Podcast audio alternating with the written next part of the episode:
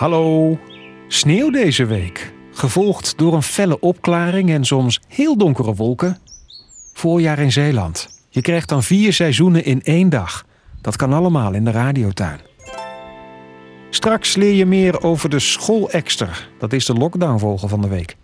Maar eerst een andere vogel die hulp krijgt van Tom de Bruin uit Kattendijken.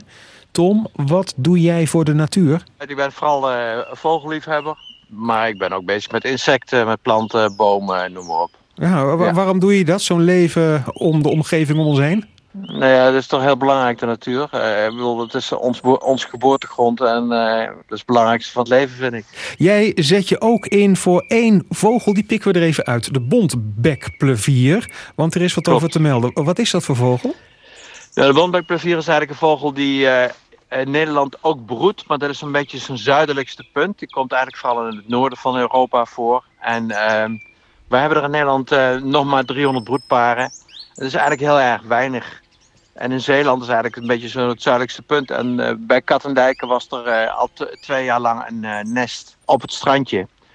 De meeste bondbekplevieren zijn eigenlijk bro- broeden langs het strand. Het is een strandbroeder. Het is een strandbroedersproject ook op dit moment vanuit Natuurmonumenten, Nationaal Park Oosterschelde, Vogelbescherming.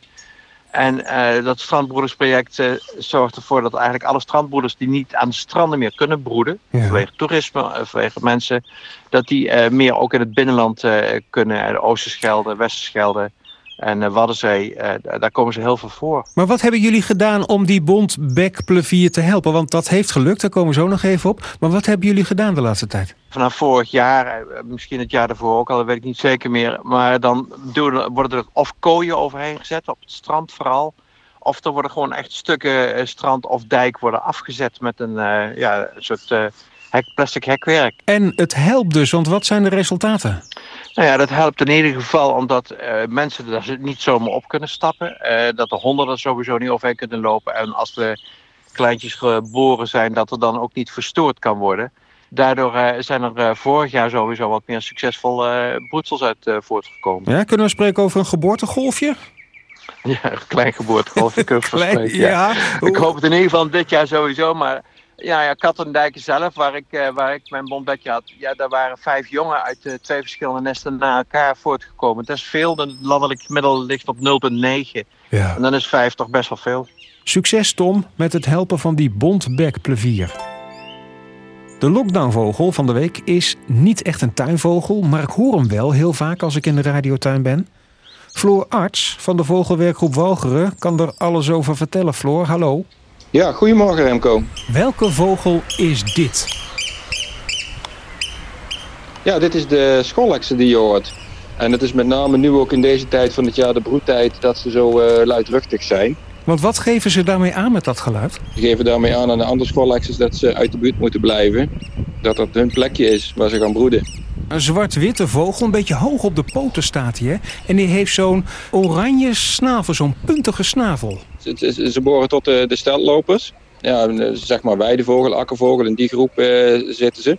Met die snavel eh, kan die eh, wormen uit de weilanden prikken, maar eh, ook heel veel schollexers die eten eh, kokkels en eh, mossels. En eh, ze hebben een hele scherpe snavel en dan kunnen ze die, die kokkels en die mossels eh, mee open krijgen. Want waar leeft de schoolekster vooral?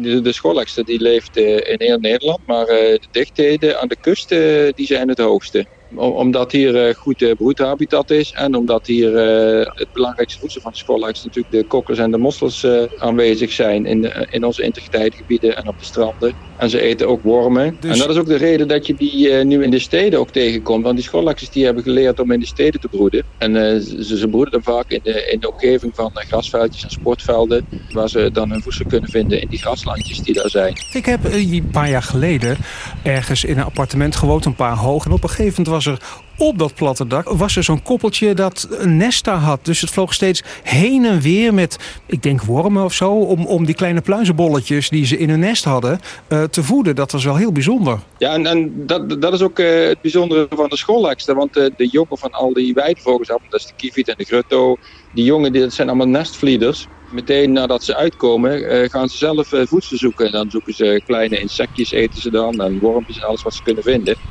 Maar die schollekster, eh, die voert zijn jongen, Hm. zodat ze kunnen vliegen. Het valt mij op dat ze bijvoorbeeld ook midden in de nacht gewoon dat geluid maken. Dan fiets ik bijvoorbeeld naar de studio en hoor ik piep in de verte en dan piep en dan Ja. denk ik, jeetje, jullie zijn bijna 24 uur per dag wakker of zo. Ja, ik weet niet of dat zo is, maar dat lijkt dan Ja. zo. Nou ja, het, het is wel zo dat, eh dat, dat ook s'nachts fourageren. Als ze mosseltjes willen eten, zijn ze afhankelijk van de tij. Hè?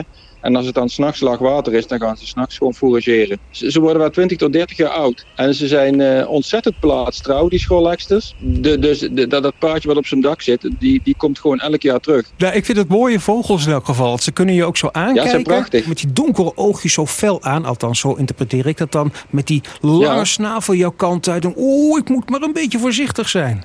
Ja, dat, dat, dat, dat stralen ze wel uit, ja. ja het zijn ook eh, stevige vogels, hoor. Die kunnen wel een stootje hebben, die schooleksters. Dankjewel voor jouw heldere uitleg. Floor Arts van de Vogelwerkgroep Walgen. Heel graag tot de volgende keer in de radiotuin. Bijzonder hoor, de natuur vlakbij. Gewoon in je tuin of op je platte dak. Ik ben Remco van Schellen. Leuk dat je weer langskwam in de radiotuin. Bedankt als je deze podcast deelt. En reacties zijn zoals altijd welkom via radiotuin.nl. Tot volgende keer.